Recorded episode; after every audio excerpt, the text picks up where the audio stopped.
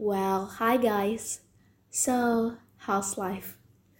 Udah hampir 2 tahun aku gak pernah sharing apa pun lagi di podcast ini.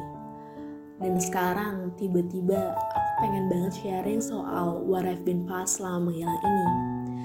Tujuannya siapa tahu kisahku bisa jadi pelampung buat kalian yang sedang melewati samudera yang sama. So you guys know kalau kalian gak melewati samudera itu sendirian. Podcast kali ini let me talk about dealing with quarter life crisis. So quarter life crisis adalah krisis pencarian jati diri yang biasanya dialami oleh orang pada usia 20 sampai 30 tahun. Biasanya krisis ini ditandai dengan munculnya kebingungan, kebimbangan, dan kekhawatiran akan kehidupan maupun masa depannya. Kalau aku sih melihatnya kayak peralihan dari masa remaja ke masa dewasa dan berdasarkan hasil survei bahwa 6 dari 10 milenial menghadapi quarter life crisis.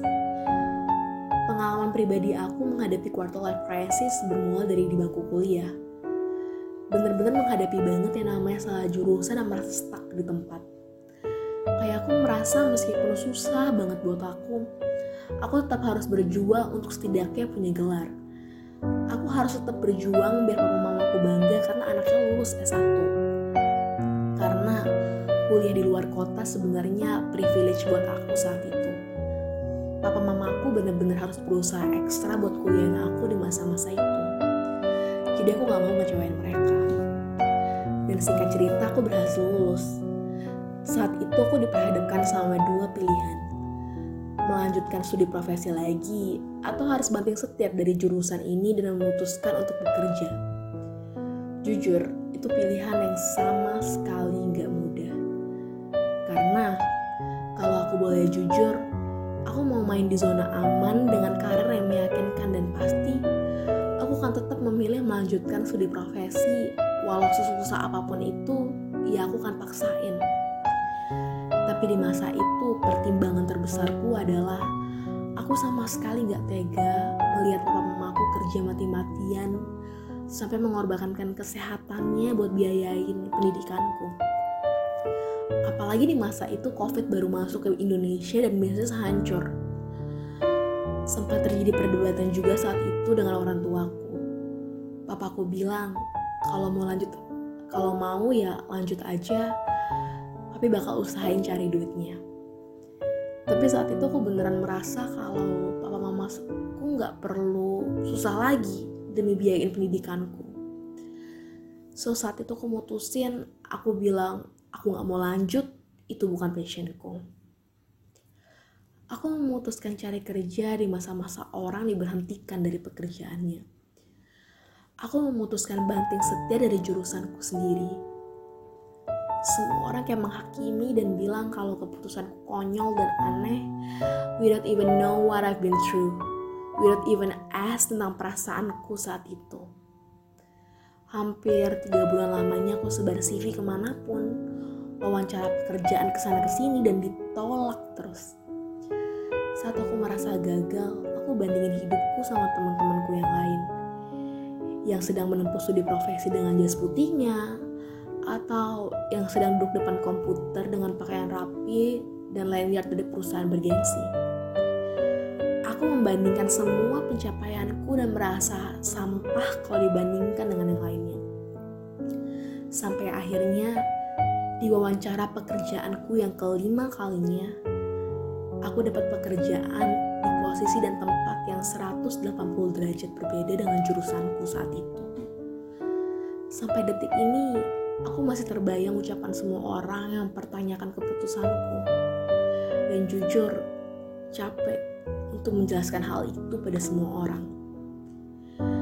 Di tempat yang baru, aku harus memulai petualangan yang baru. Pekerjaan yang belum pernah aku kerjakan sebelumnya dan bukan sebuah perjalanan yang mudah. Aku mulai mempertanyakan diriku sendiri, apa betul ini yang sedang aku cari? Masa depan seperti apa yang sebenarnya aku inginkan? Aku merasa dalam sebuah perjalanan yang berputar gak tahu pasti ke mana langkahku akan membawaku. sebagai gadis yang tidak suka akan kegagalan, yang haus akan prestasi, yang selalu menuntut mengenai validasi dari orang lain, dan yang selalu ingin bersinar. Justru saat itu, di usia keemasanku, aku merasa sangat minder dan gagal dengan pencapaianku. Aku merasa sekeras apa pun aku berusaha, semesta seolah tidak memberikan restunya. Sampai sekarang, tibalah aku di kota ini lagi. Kota yang jauh dari pelukan hangat keluarga. Aku memutuskan melanjutkan petualanganku sekali lagi. Di tempat yang baru dengan dunia yang tak pernah aku hadapi sebelumnya. Aku menantang diriku sejauh mana aku bisa tumbuh dan bertahan. Sampai detik ini, masih gadis itu. Gadis dengan segala ambisi dan mimpinya, gadis yang masih haus akan pembuktian, gadis yang selalu ingin bersinar.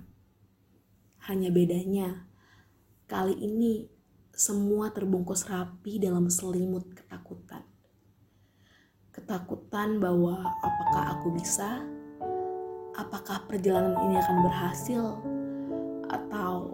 apakah aku akan tersesat dan jatuh lagi. Namun pada akhirnya, setelah aku berjalan dalam semua keraguan, aku berhasil untuk menarik sebuah kesimpulan dan memutuskan untuk berteman dan berdamai dengan ketakutan itu. Karena ternyata dengan adanya ketakutan membuatku sadar bahwa dalam hidupku aku harus semakin bergantung dengan Sang Pencipta. Bahwa dengan adanya keraguan, aku harus semakin sering bertanya kepada Sang Pencipta mengenai setiap pilihan yang akan kuambil. Aku memang masih gadis yang penakut. Tapi kalau aku diizinkan untuk memberikan pujian terhadap gadis kecil itu, yang ingin kukatakan padanya adalah terima kasih. Terima kasih karena sudah mau berjuang meskipun terasa berat.